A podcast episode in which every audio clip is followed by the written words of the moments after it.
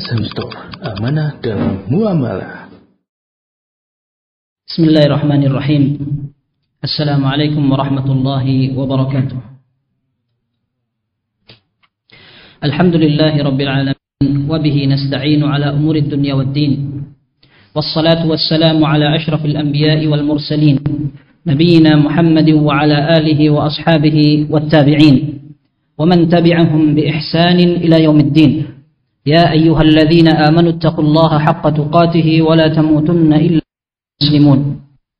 يا أيها الناس اتقوا ربكم الذي خلقكم من نفس واحدة وخلق منها زوجها وبث منهما رجالا كثيرا ونساء واتقوا الله الذي تساءلون به والأرحام. الله كان عليكم رقيبا. يا أيها الذين آمنوا اتقوا وقولوا قولا سديدا. يصلح لكم أعمالكم ويغفر لكم ذنوبكم. ومن يطع الله ورسوله فقد فاز فوزا عظيما. أما بعد جمع مسجد نور السنة جمع فنجيا ملم سلاسة رحمنا ورحمكم الله di dalam بخاري Bukhari كان bahwa ada seorang bertanya kepada Amir bin Shalih al-Sha'bi, seorang tabi'in ahli hadis. Tanya tentang kebiasaan masyarakat di kampungnya. Amir bin Syarahil Sya'bi di daerah Irak. Orang yang bertanya dari daerah Khurasan. Khurasan itu daerah Rusia zaman sekarang. Mereka punya kebiasaan katanya kalau ada orang punya budak orang punya budak perempuan kemudian dibebaskan kemudian dinikahi kemudian seperti biasa diperlakukan seperti istrinya maka kebiasaan ini bagaikan orang yang menunggangi ontanya. Artinya dicela. Kita tahu bahwa seorang laki-laki yang memiliki budak perempuan perempuan budak itu bagaikan barang belian. Antum bisa jual, bisa pukul, bisa hukum, bisa apa. Bahkan para ulama mengatakan tidak boleh ada kisos. Seandainya seorang tuan memperlakukan atau membunuh budaknya. Ya, karena budak sangat rendah derajatnya dan seorang laki-laki punya budak perempuan, seandainya dia menggauli budaknya tidak apa-apa. Ya, tidak apa-apa, tidak perlu menikah. Kalau seandainya budak ini akan dijual ke orang lain, maka perlu ditunggu agar bersih rahimnya. Setelah itu tuan yang berikutnya bisa menggauli dia. Akan tetapi seandainya sang budak hamil kemudian melahirkan anak, maka anak ini anak tuannya. Sehingga status sang budak menjadi ummul walad. Ummul walad artinya ibu dari anak tuan. Konsekuensinya ketika sang tuan meninggal, otomatis budak ini bebas sekalipun dia belum melahirkan secara sempurna dia hamil dari tuannya kemudian gugur. Jika janin yang digugurkan itu kemudian lahir sudah membentuk manusia utuh sekalipun gugur maka dia sudah berhak menyandang gelar ummul walad. Tidak boleh dijual kembali. Meskipun khilaf di antara para fuqaha akan tetapi ini yang e, menjadi konsekuensi bagaimana perlakuan seorang tuan kepada budaknya. Artinya budak ini sesuatu yang rendah. Kemudian orang Khurasan bertanya kepada Amir bin Syarahil Asy-Sya'bi rahimahullah, bagaimana seandainya hukum syariat ada orang menikahi si budak, padahal tidak perlu menikahi saja dia bisa menggauli. Ya. Akan tapi kenapa justru ketika ada orang ingin menikahi budaknya, maka dia seolah-olah seorang yang menunggangi keledai atau unta atau tunggangannya. Nah kata Abir bin Syarahil Asy-Sya'bi rahimahullah, ada hadisnya ini. Bahkan orang yang melakukan itu akan mendapatkan dua pahala. Membebaskan budak, memperlakukan budak dengan istimewa. Ya. Dibebaskan budak ada keistimewaannya. Kemudian dia perlakukan mantan budaknya sebagai istrinya.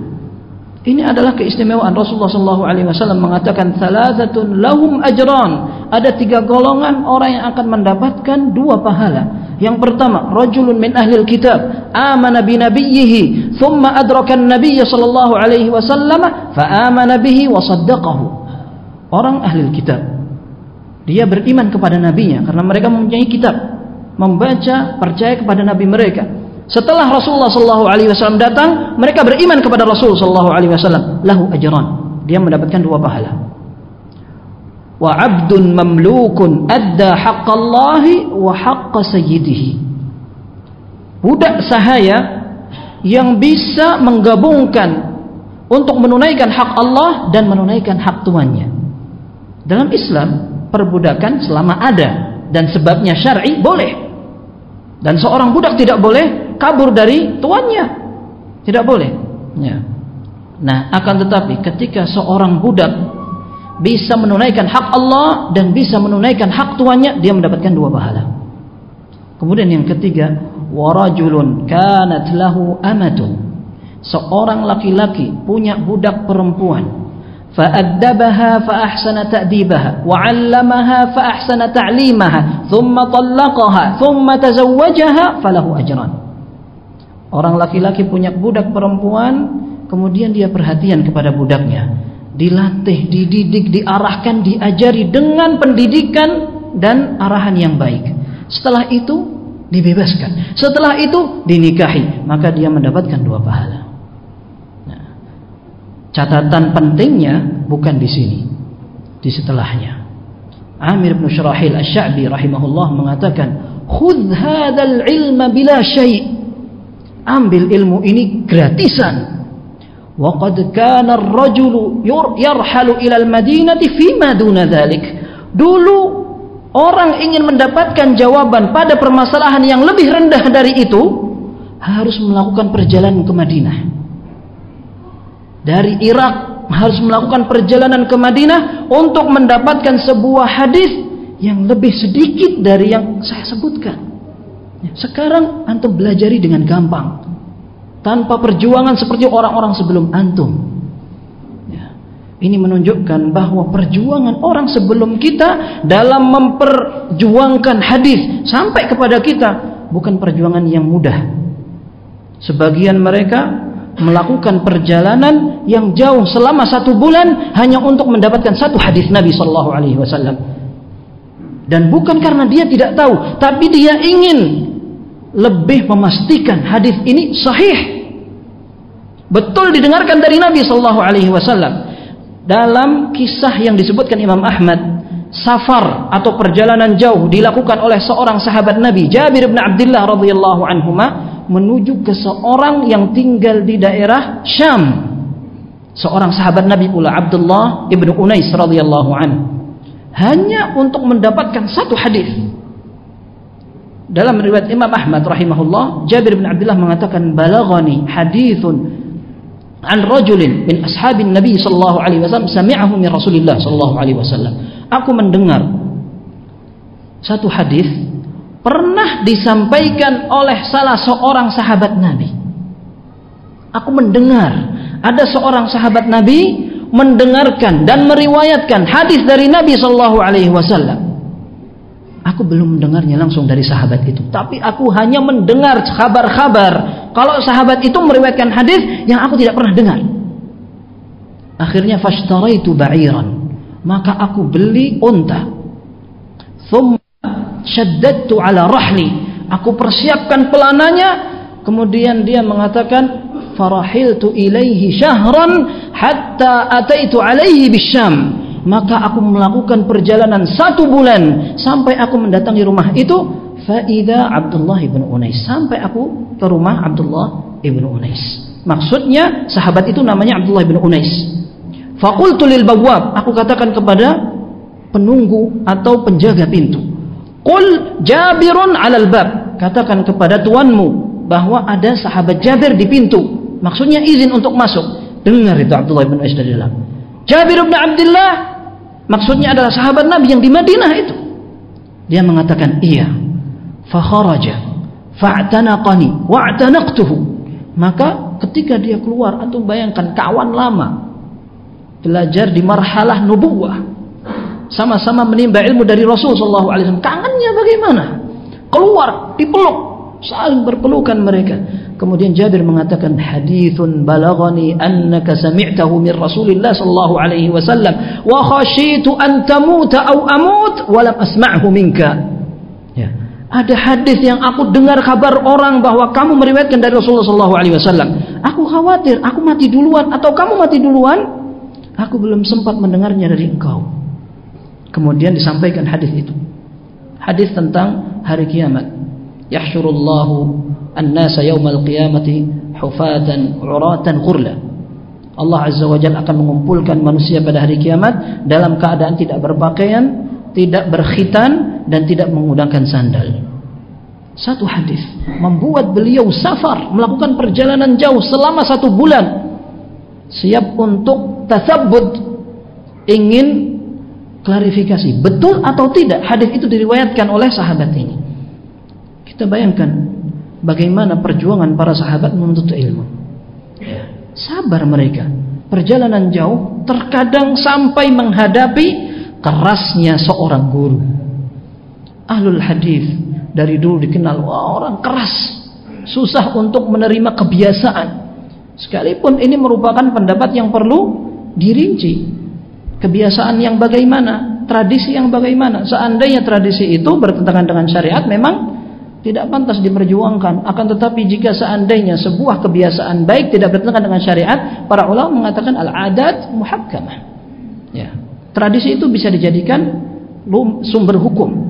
Tidak apa-apa selama tidak bertentangan dengan syariat.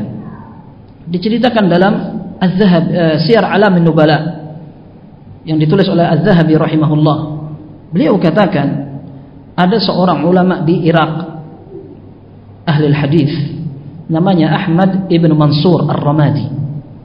Dia katakan, satu saat kita ingin menimba ilmu ke daerah Yaman. Dia tinggal di Irak. Mau ke daerah Yaman, ke tempatnya Imam Abdul Razak ibn Hammam As-San'ani rahimahumullah.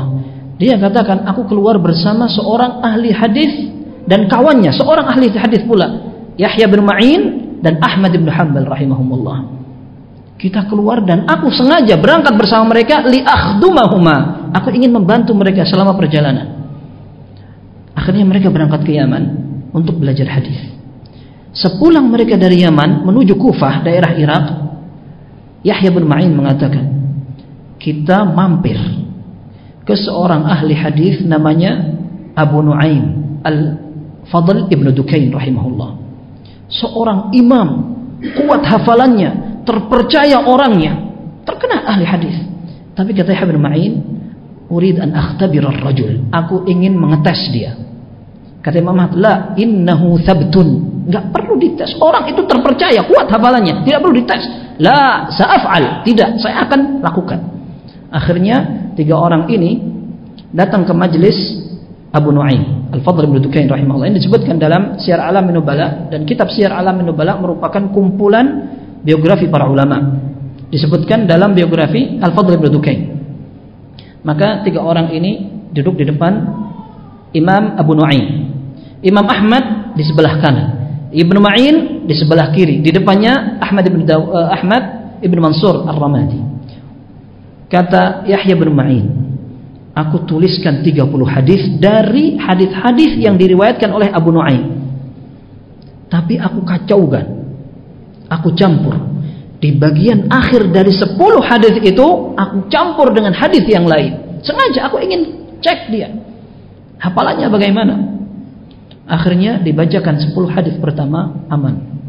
Hadis ke-11 Imam Abu Nuaim mengatakan hadza laisa min hadithi fadrib alaih. Ini bukan hadisku. Coret coret. Mulai lagi. Sampai 20 hadis aman berikutnya Ingat beliau. Beliau kemudian mengatakan hadza laisa min hadithi fadrib alaih. Ini bukan hadisku, coret, coret lagi. Yang ketiga, dia sadar, ana dikerjain ini. Ya. Fanqalabat ainahu, maka matanya berbolak-balik, marah Bangun. Kemudian Imam Abu Nuaim memegang tangan Imam Ahmad. Amma hadza fa'aura'u min an yaf'ala hadha. Orang ini dia akan berhati-hati, tidak mungkin dia ngerjain ana seperti ini. Wa amma hadha, kalau Ahmad ibn Mansur ini Fa'aqallu min an yaf'ala hadha. Dia tidak lebih berani untuk mengerjakan ini. Wa ma yaf'alu hadha illa hadha sami'. Ini kerjaannya Yahya bin Ma'in, ditendang. Ditendang sampai tersungkur, kemudian marah masuk ke rumahnya. Dalam sebuah riwayat dikatakan, maka Yahya bin Ma'in bangun. Kemudian dikatakan oleh Imam Ahmad, "Alam aqul laka innahu thabtun?" Aku sudah bilang sama kamu, gak usah dites-tes, dia ini hafal. Kamu seperti itu gitu. Kemudian dia bangun dalam sebuah riwayat, kemudian dicium jidat Yahya bin Ma'in. Eh, diciumnya apa? Kepala gurunya Abu Nuaim Al-Fadl bin Dukain rahimahullah. Kemudian beliau mengatakan jazakallahu 'anil islami khaira. Semoga Allah membalas kebaikan engkau untuk kaum muslimin jasamu dalam memperjuangkan hadis Nabi SAW. Famithluka yuhaddis orang seperti antum yang berhak untuk menyampaikan hadis Nabi sallallahu alaihi wasallam inni la akhtabiruk aku cuma pengen ngetes antum wa wallahi la rafsatuka ahabbu ilayya min rihlati. Demi Allah tendanganmu lebih aku sukai daripada perjalanan ini. Ya. bagaimana mereka memperlakukan hadis Nabi sallallahu alaihi wasallam? Perjuangan mereka menghafal menerima memahami kemudian menyampaikan. Kita bandingkan orang zaman sekarang. Ya. Nggak kenal hadis. Atau mendengar hadis dijadikan lambang kesesatan. Subhanallah. Ya, kita bayangkan jauh sekali antara kebiasaan para ulama dengan kebiasaan zaman sekarang. Benar kata Nabi sallallahu alaihi wasallam, "La ya'ti 'alan nasi zamanun illa walladhi ba'dahu syarrum minhu." Tidaklah bergulir waktu untuk kaum muslimin manusia kecuali yang setelahnya lebih buruk dari sebelumnya. Kata Al-Hafidh Ibn Hajar rahimahullah, aku mendengarkan tafsiran dari sahabat Ibn Mas'ud. Aku mendapatkan tafsiran dari hadis ini asar dari Ibn Mas'ud radhiyallahu an. La ya'ti 'ala an-nasi zaman illa walladhi ba'dahu aqallu 'ilman min alladhi qablahu. Tidaklah bergulir waktu kepada kaum muslimin atau kepada umat secara umum kecuali yang setelahnya lebih sedikit ilmunya daripada sebelumnya. Semakin jauh dari masa kenabian. Padahal kalau kita lihat asar pertama atau nasihat pertama dari Asy-Sya'bi ambil ilmu ini gratisan. Dulu orang untuk mendapatkan satu hadis harus melakukan perjalanan jauh. Zaman sekarang nggak usah perjalanan, tinggal browsing. Ya. Ilmunya di rumah, nggak pengajian nggak apa-apa, anak kan lihat YouTube. Ya. Tapi subhanallah, Pernyataan seorang alim Az-Zuhri, Ibnu Syihab Az-Zuhri rahimahullah, beliau mengatakan man ramal ilma jumlatan dhahabat anhu jumlah. Orang yang ingin belajar ilmu bongkoan, bongkoan itu langsung banyak gitu, nggak mau pelan-pelan, nggak mau sedikit-sedikit, langsung ambil semua, nanti yang hilang juga sama. Banyak. Bayangkan orang pengen belajar instan. Orang ingin belajar yang gampang. Dengan cara apa namanya yang cepat. Langsung pinter. Ya. Maka ilmu yang hilang akan semakin banyak maka dalam salah satu nasihatnya para ulama mengatakan ini Khatib al-Baghdadi rahimahullah dalam kitab Al-Faqih wal Mutafaqih ada uh, firman Allah Subhanahu wa taala وقال الذين كفروا لولا نزل عليه القرآن جملة واحدة Kadzalika linutsabbita bihi fuadaka warattalnahu tartila. Orang-orang kafir mengatakan kepada Nabi, "Kenapa Al-Qur'an ini tidak diturunkan langsung saja? Sedikit-sedikit ngapain orang harus nunggu wahyu belum turun? Kelamaan." Orang kafir mengatakan demikian. Kan tapi Allah Azza wa Jalla jawab mereka. Demikianlah kami turunkan Al-Qur'an dengan bertahap agar hatimu semakin mantap, semakin yakin dan kita akan tartilkan Al-Qur'an ini setartil-tartilnya. Kata Al-Khatib Al-Baghdadi rahimahullah, ayat ini merupakan dasar yang paling dalam untuk seorang talibul ilm dalam belajar harus ta'anni wa adamul ajalah. Harus sabar, pelan-pelan dan jangan gerusah-gerusuh. Sehingga ini pentingnya bagaimana seorang penuntut ilmu ingin mendapatkan ilmu yang mantap harus mengikuti metode para ulama. Kalau hanya ingin semau sendiri belajarnya, tidak mendatangkan hasil. Ya. Maka beda para ulama teori belajarnya dengan teori orang-orang zaman sekarang. Ya. Kalau para ulama dulu satu hari seperti Imam Nawawi rahimahullah dalam biografi beliau dikatakan satu hari beliau bisa menghadiri 12 majlis satu hari. Ya. Kita zaman sekarang satu minggu aja belum tentu sudah bisa ngaji sehari sekali satu minggu sudah merasa bangga wah saya sudah mending ya, udah mending ngaji. Itu orang nggak ngaji nggak sholat lagi. Kan saya mending. Subhanallah. Apalagi majlis Imam Nawawi rahimahullah beliau mencatat mencocokkan hadis yang disampaikan gurunya ditulis. Kemudian setelah tahdid dicocokkan. Kalau seandainya ada yang perlu ditafsiri beliau cari tafsirnya. Ada bahasa yang perlu di dicari maknanya, dicari maknanya. Kemudian dicampur-campur ilmu yang dipelajari pada hari itu. Ada hadisnya, ada bahasanya, ada tafsirnya, ada fikihnya segala macam. Ya. Dan yang seperti itu yang menghasilkan. Perlu perjuangan hebat. Maka para ulama memiliki cara dalam belajar. Kalau seandainya talibul ilm tidak mengikuti cara mereka, kita akan kesulitan mendapatkan ilmu itu. Ada salah seorang ulama yang bernama Az-Zarnuji. Zarnuji ini dinisbatkan kepada daerah Zarnuj. Zarnuj itu adalah daerah sekarang di sekitar negara Kazakhstan. Ya, Kazakhstan apa namanya? E, Tajikistan dan sebenarnya Rusia, daerah Rusia. Dan daerah Rusia memang menelurkan banyak para ulama sekalipun itu bukan negara Arab. Menunjukkan bahwa ilmu ini bisa dikuasai, dikuasai oleh orang-orang non-Arab.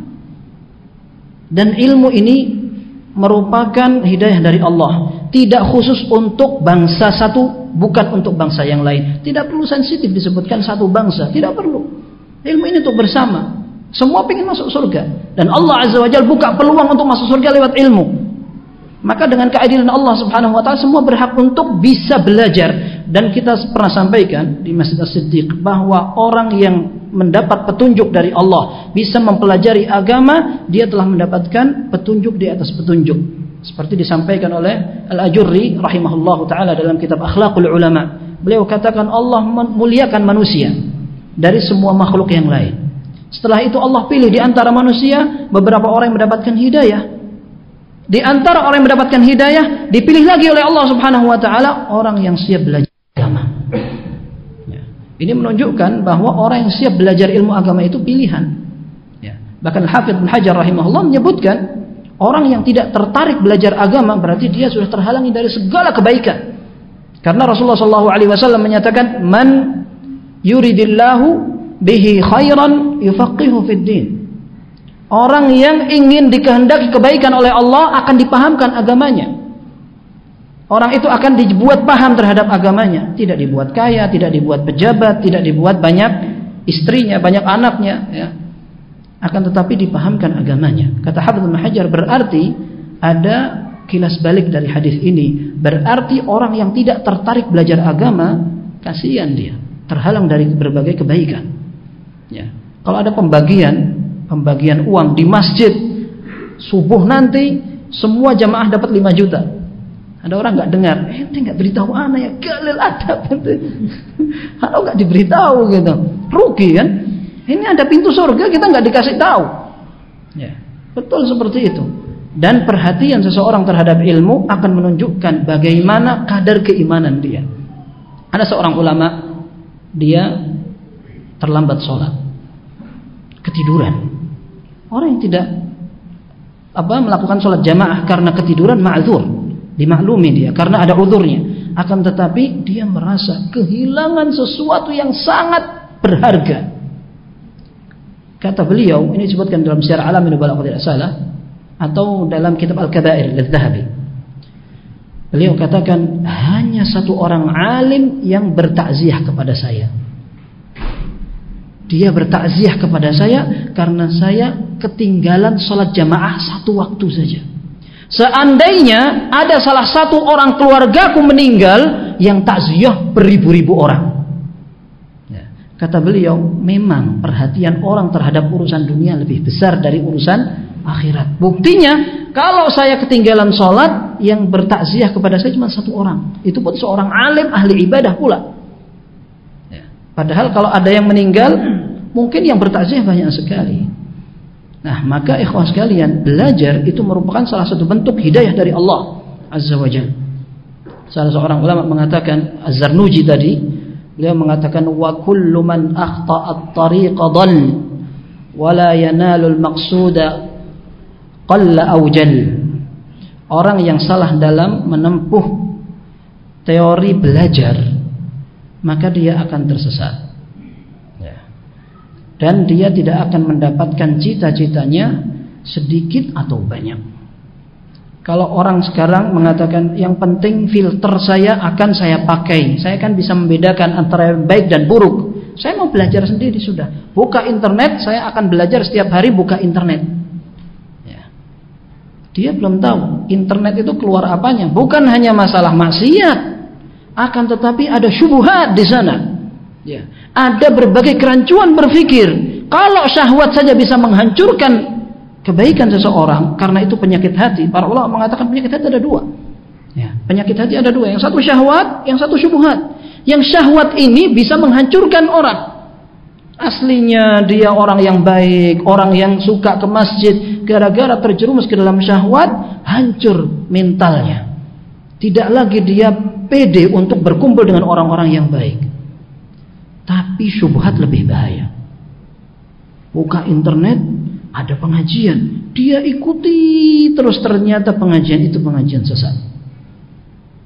Dan bisa menjadi salah satu penyebab seorang terjerumus ke dalam kebid'ah yang berbahaya. Di antara contohnya, ini kasus nyata, Anda udah sering sampaikan. Ya. Ada kisahnya di tahun 2000 2015 kalau tidak salah. 2015 di Arab Saudi. Ada orang anak tentara dia tentaranya akhirnya sudah pensiun. Kakak adik. Dan di dalam rumah ini ada sepupu mereka. Memang diayami oleh ayah mereka. Kemudian sepupu mereka ini hidup bersama kecil sampai besar kemudian sepupu mereka ini masuk kantara tapi dua orang ini tidak seperti biasa mereka bertiga main acara apa akrab. Satu saat di kesempatan hari raya Idul Adha orang Saudi biasa kalau ada acara liburan begitu mereka keluar ke padang pasir. Bawa karpet, bawa teh, kopi, makanan apa ya, kesibukan dan apa e, kejenuhan mereka mereka habiskan dengan seperti itu. Mereka hadapi dengan refreshing yang modelnya seperti itu. Kalau kita kan pergi ke pegunungan pantai mereka nggak punya pegunungan. Akhirnya mereka datang ke padang pasir saja ya satu saat di kesempatan Idul Adha mereka bertiga keluar. Ini sudah besar semua yang satu sudah tentara yang dua pemuda. Sampai di tengah padang pasir mereka cari batu besar. Di balik batu tiba-tiba sepupu mereka ini diikat tangannya. Diikat kemudian yang kakaknya mengeluarkan senjata. Laras panjang.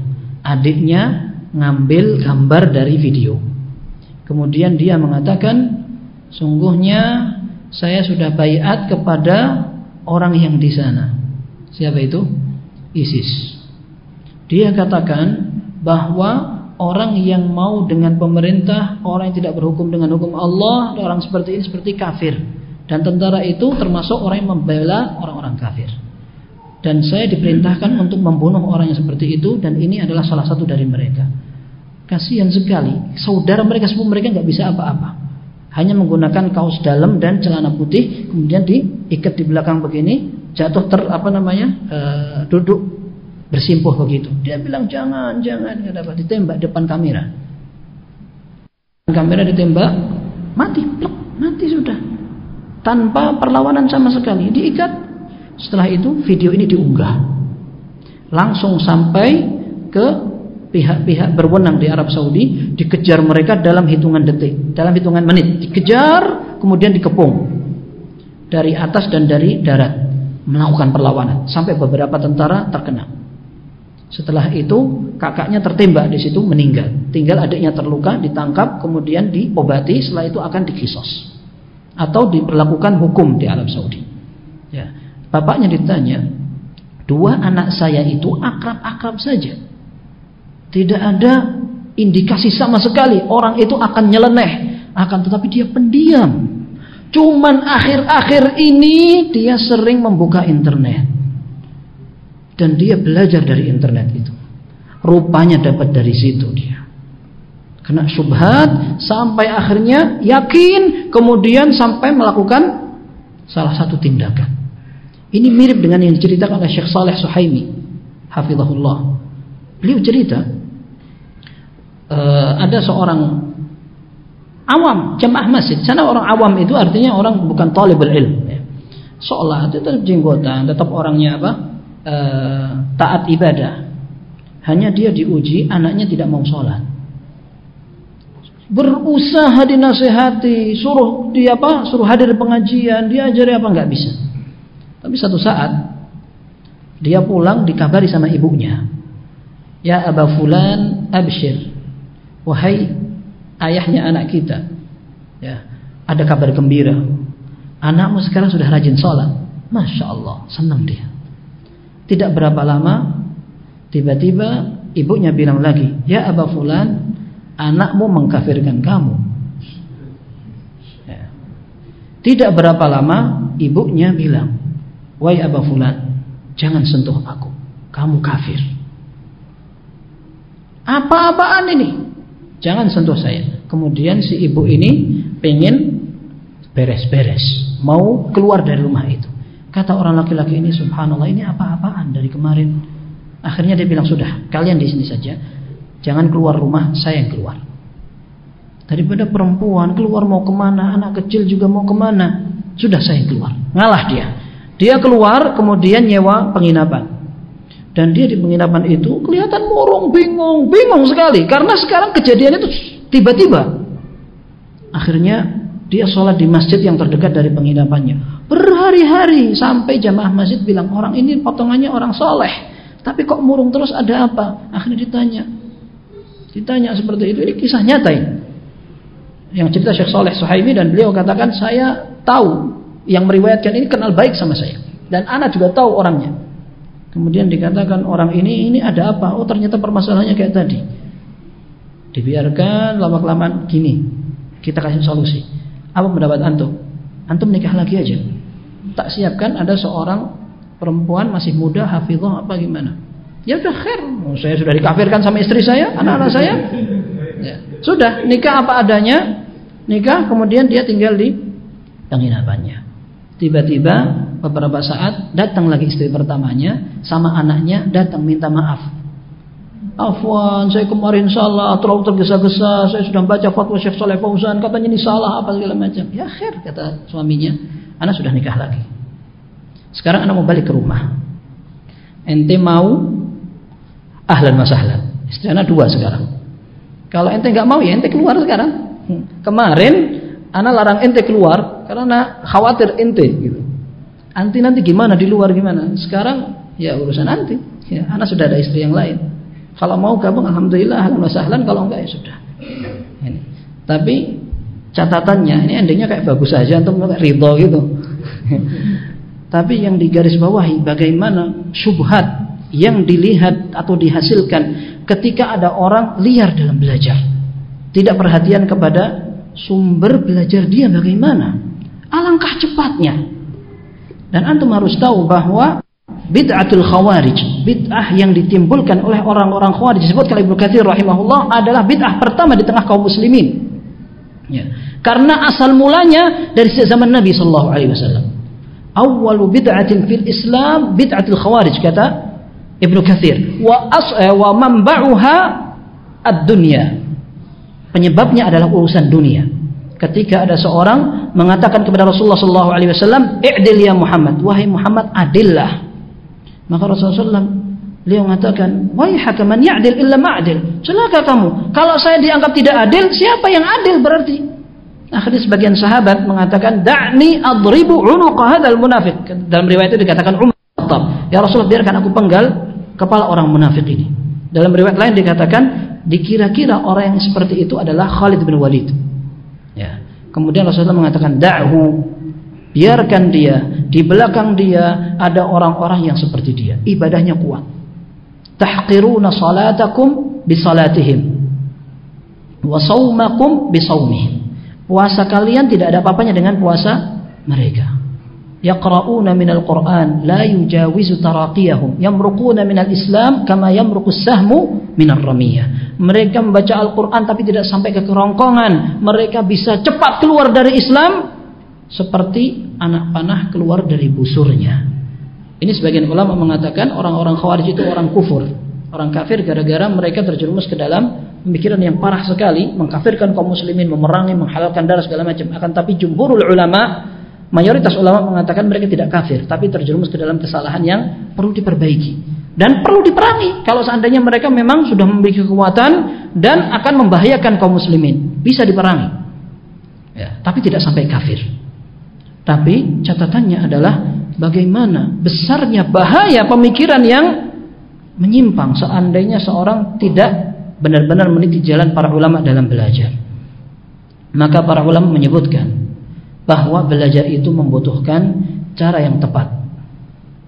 Cara yang dituntut dan diterapkan oleh para ulama tidak akan berhasil orang yang datang belakangan untuk menempuh cara yang baru yang tidak di diterapkan oleh ulama-ulama sebelumnya. Maka seperti yang pernah kita bahas beberapa malam yang lalu di Masjid As-Siddiq bahwa seorang talibul ilm perlu memperbaiki niatnya. Ini akan mendukung benar langkah dan lurusnya pilihan yang dia lakukan. Dia berdoa kepada Allah Subhanahu wa taala. Kita pernah sebutkan empat hal yang menjadi landasan keikhlasan seseorang. Dia ingin belajar untuk menghilangkan kebodohan dirinya. Yang kedua, ingin menghilangkan kebodohan orang lain. Yang ketiga dia ingin menghidupkan sunnah belajar. Dan yang keempat dia ingin mengamalkan yang dipelajari. Dan ikhlas merupakan ibadah yang berat. Bisa berubah pada satu ibadah. Orang belajar bisa jadi awalnya dia semangat berusaha mengikhlaskan diri akan tetapi di perjalanan diganggu sama syaitan. Ya. Ada seorang ulama ahli hadis yang bernama Sulaiman ibnu Dawud al-Hashimi rahimahullah. Dia mengatakan rubbama uhadditsu bihaditsin waliniyah. Satu saat bisa jadi aku menyampaikan hadis Nabi sallallahu alaihi wasallam dan aku berusaha untuk menjaga keikhlasan niatku. Fa idza ataitu ala ba'dhihi taghayyarat niyyati. Tapi ketika aku sampai kepada sebagian hadis itu, niatku berubah. Fa'idal hadithul wahidu bihajatin ila. Ternyata satu hadis saja membutuhkan niat yang perlu selalu diperbaharui. Berarti niat itu penting sekali dalam belajar. Minta kepada Allah. Dan para ulama berusaha untuk memperbaiki niat dan mereka tidak berani mengatakan saya sudah ikhlas. Mereka tidak berani merekomendasi diri mereka. Saya sudah ikhlas dalam belajar. Ya, Imam Ahmad rahimahullah pernah ditanya, Masya Allah antum belajar untuk Allah subhanahu wa ta'ala. Ditanya, antum belajarnya betul-betul gimana caranya biar ikhlas terus? Beliau mengatakan, Lillah aziz. Saya berhasil belajar ikhlas karena Allah, itu berat sekali. Walakin syai'un hubbiba ilayya fa'adlubuh. Saya belajar hadis itu karena Allah memasukkan ke dalam hati saya kecintaan terhadap hadis. Maka saya pelajari. Tapi kalau betul-betul saya bisa jamin keikhlasan, saya tidak bisa. Imam, Malik, eh, Imam Ahmad rahimahullah. Ada seorang ulama yang lain namanya Hisham Dastawahi rahimahullah. Dia mengatakan, Inni la astati'u an aqul azhabu yawman li talabil hadis uridu bihi wajah Allah. Saya tidak bisa mengatakan aku belajar satu hari saja karena Allah. Nah, jadi sekarang kalau ada orang merasa Wah, yang belajar itu ikhlas, yang ikhlas belajar itu kayak anak itu, masya Allah. Ini terlalu pede. Sebagian ulama mengatakan man ra'a fi ikhlasihi ikhlas faqad ihtaja ikhlasuhu ila ikhlas. Barang siapa yang memandang bahwa ibadah dia mengikhlaskan hati telah berhasil membuahkan ikhlas, berarti ikhlas dia butuh keikhlasan. Ya.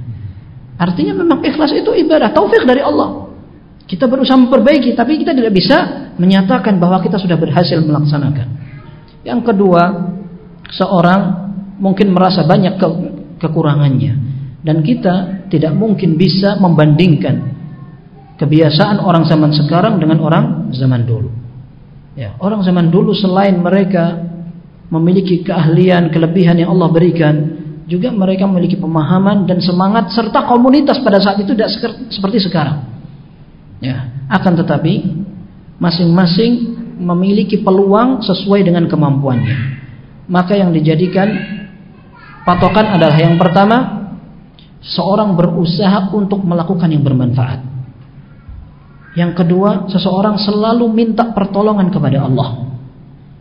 Dan yang ketiga, jangan sampai gampang putus asa, menyerah.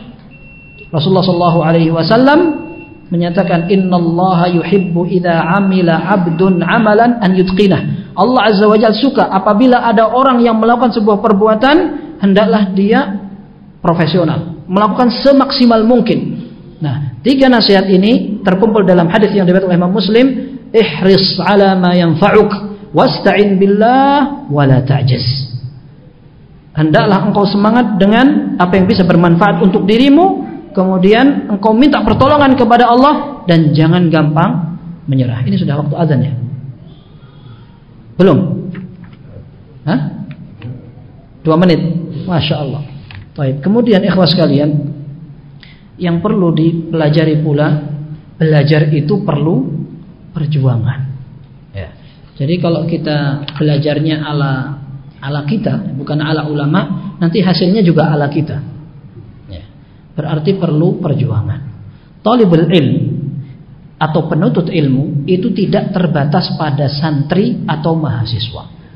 Akan tetapi semua memiliki peluang untuk belajar dan semua metode yang diterapkan oleh para ulama bisa kita terapkan memang kemampuannya berbeda-beda. Maka disesuaikan dengan kemampuan kita dan kemungkinannya.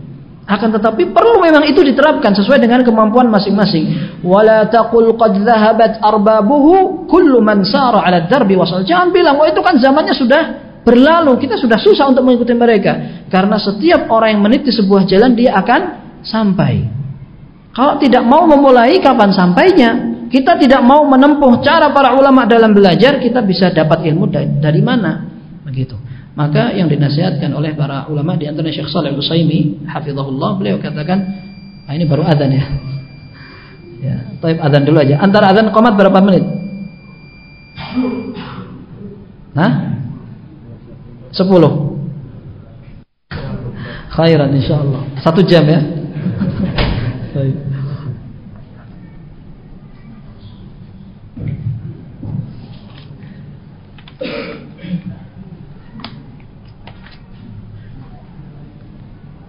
الله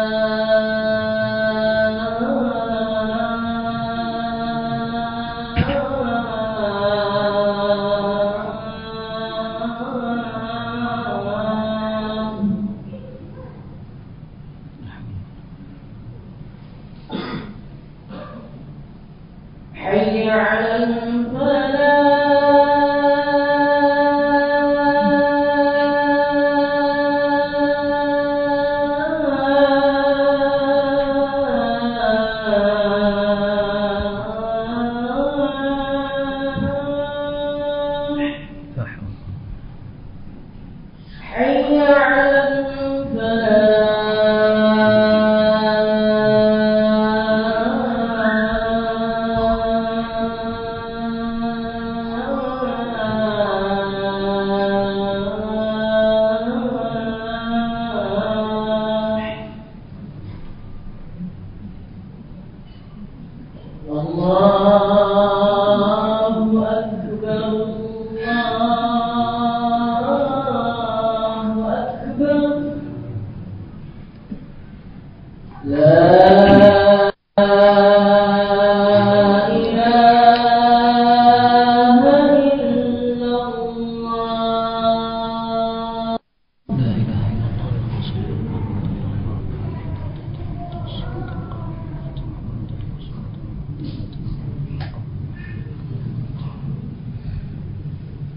Kebiasaan belajar yang memang menjadi rukun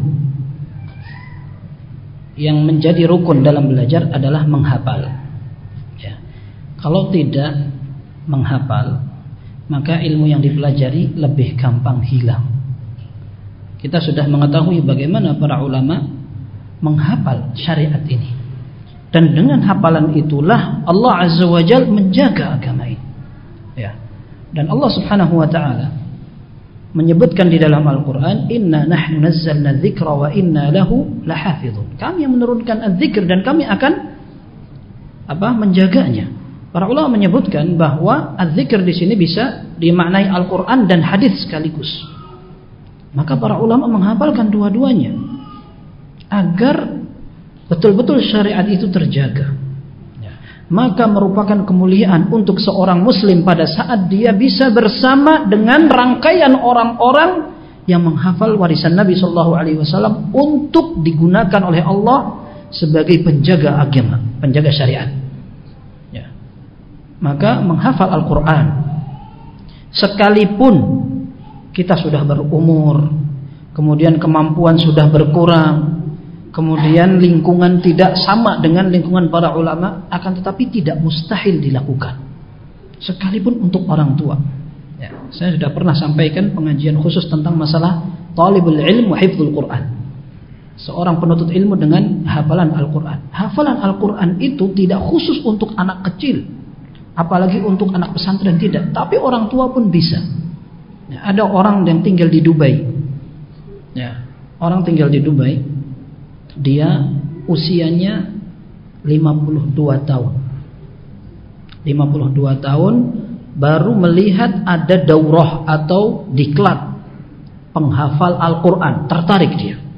Akhirnya dia punya tekad saya harus hafal Al-Quran dan berhasil dia. Setelah itu dia arahkan anak-anaknya berhasil pula. Lima orang anaknya bisa hafal Al-Quran. Memulai dari sejak usia 52 tahun. Masuk koran orang ini. Karena sudah tua. Maka dia butuh sekitar 6 tahun untuk menyelesaikan hafalannya. Baru dia sempurna menyelesaikan hafalannya usianya 59 tahun. Ada yang lebih tua dari itu. Seorang militer angkatan udara di Sudan.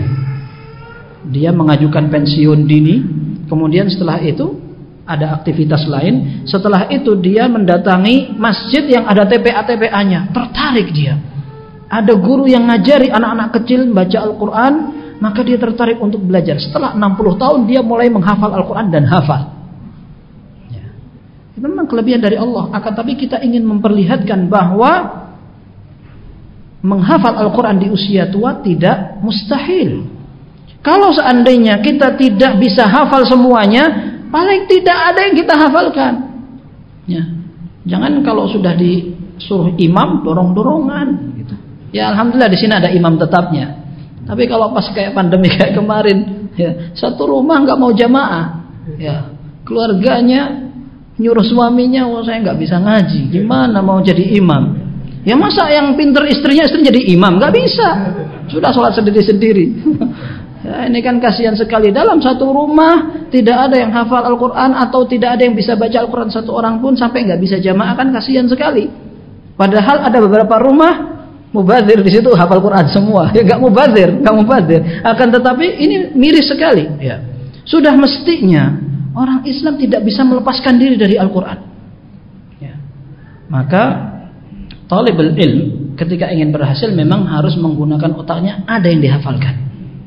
Baik. Kalau tidak hafal Al-Quran semuanya sedikit tidak apa-apa. Dan kalau kita mau mulai dari sekarang tahun depan ada hasilnya. Ya. Ramadan nanti ada hasilnya. Beda loh. Terawehan kita punya hafalan dengan tidak punya sama sekali. Ya. Sudah kekenyangan buka, imamnya panjang, kita nggak hafal juga. Dah jangan sholat masjid itu, cari yang pendek-pendek aja. Orang baca ulhu sama wailul likulli humazatil lumazah. Ya.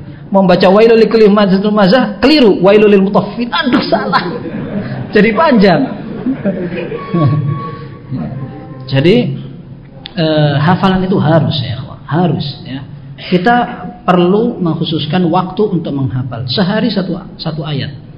Ya.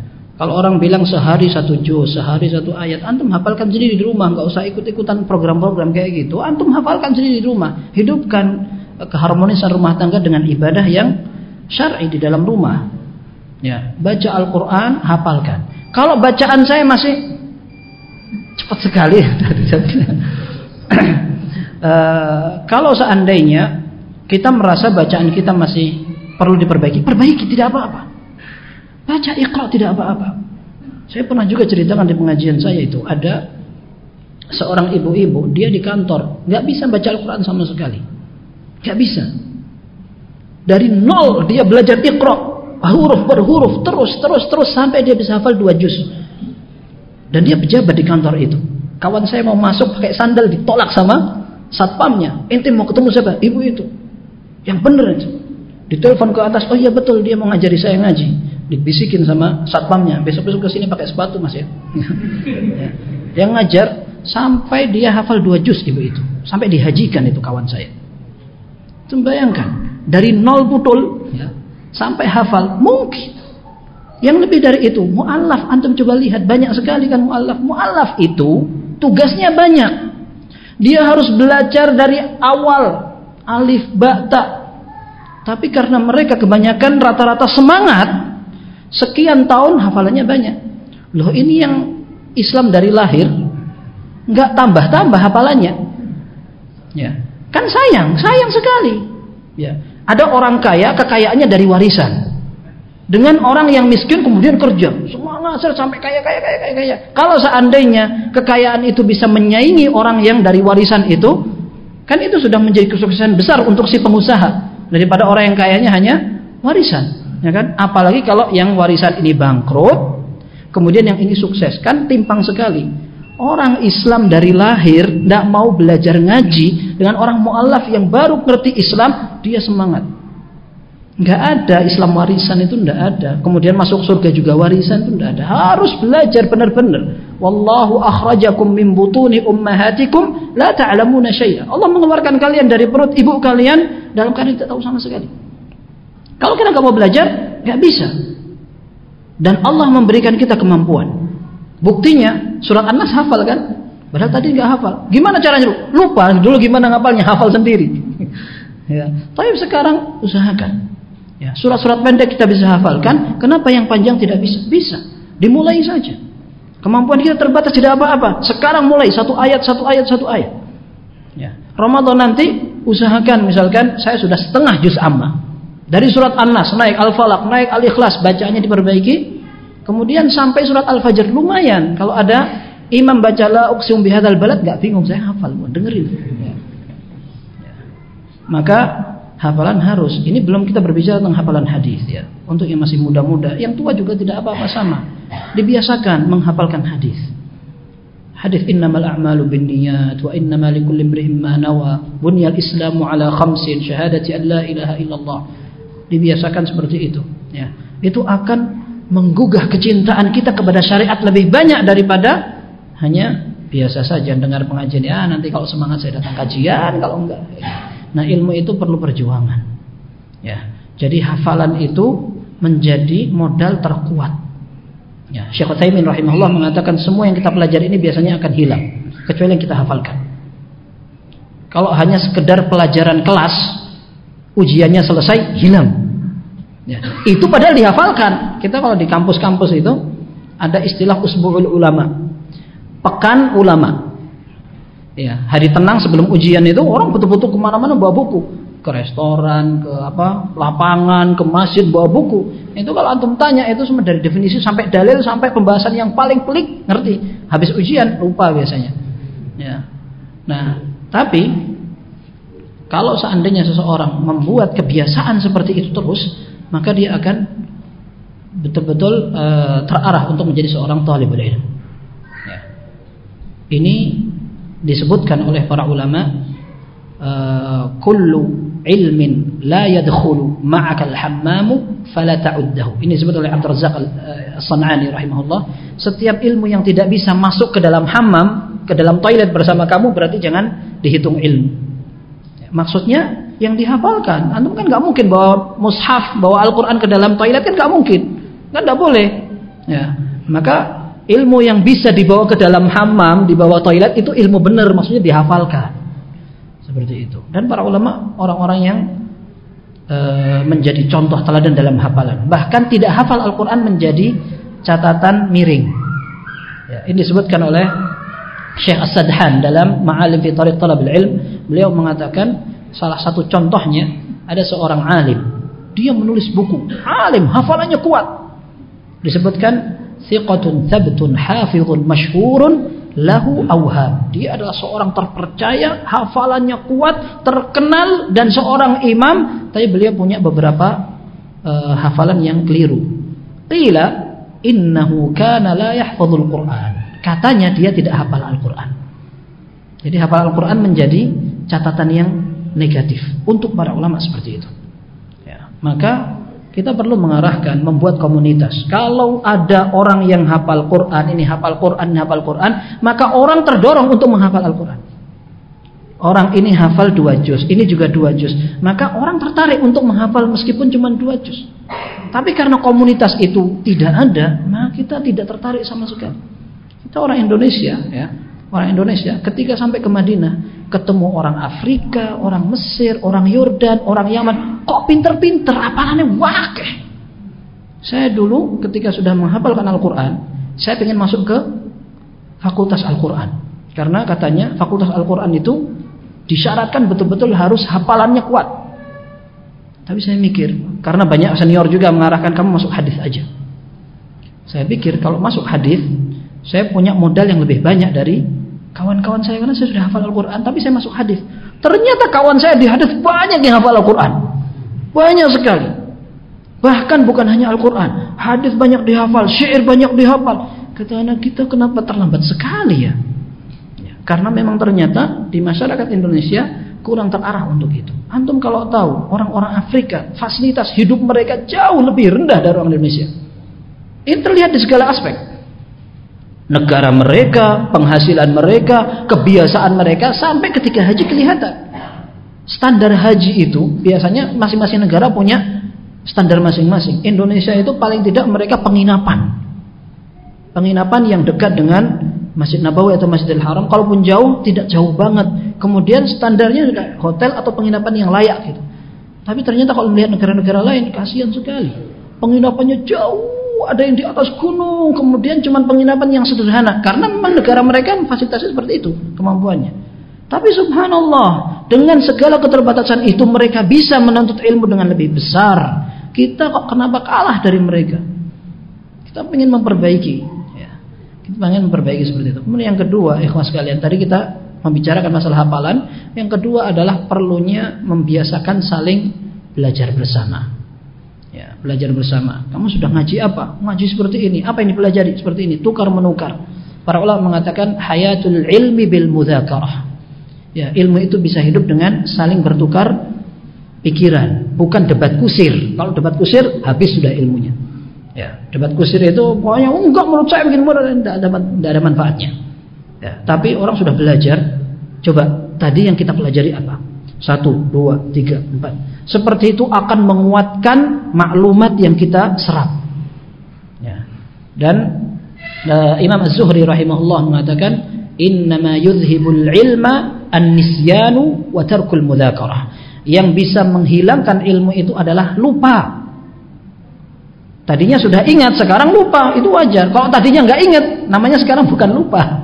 Ya. Nggak tahu dulu, nggak tahu sekarang lupa. Ya. Jadi yang bisa menghilangkan ilmu itu adalah lupa dan tidak mau berdiskusi dalam ilmu yang sudah dipelajari. Tapi yang terakhir adalah bertanya.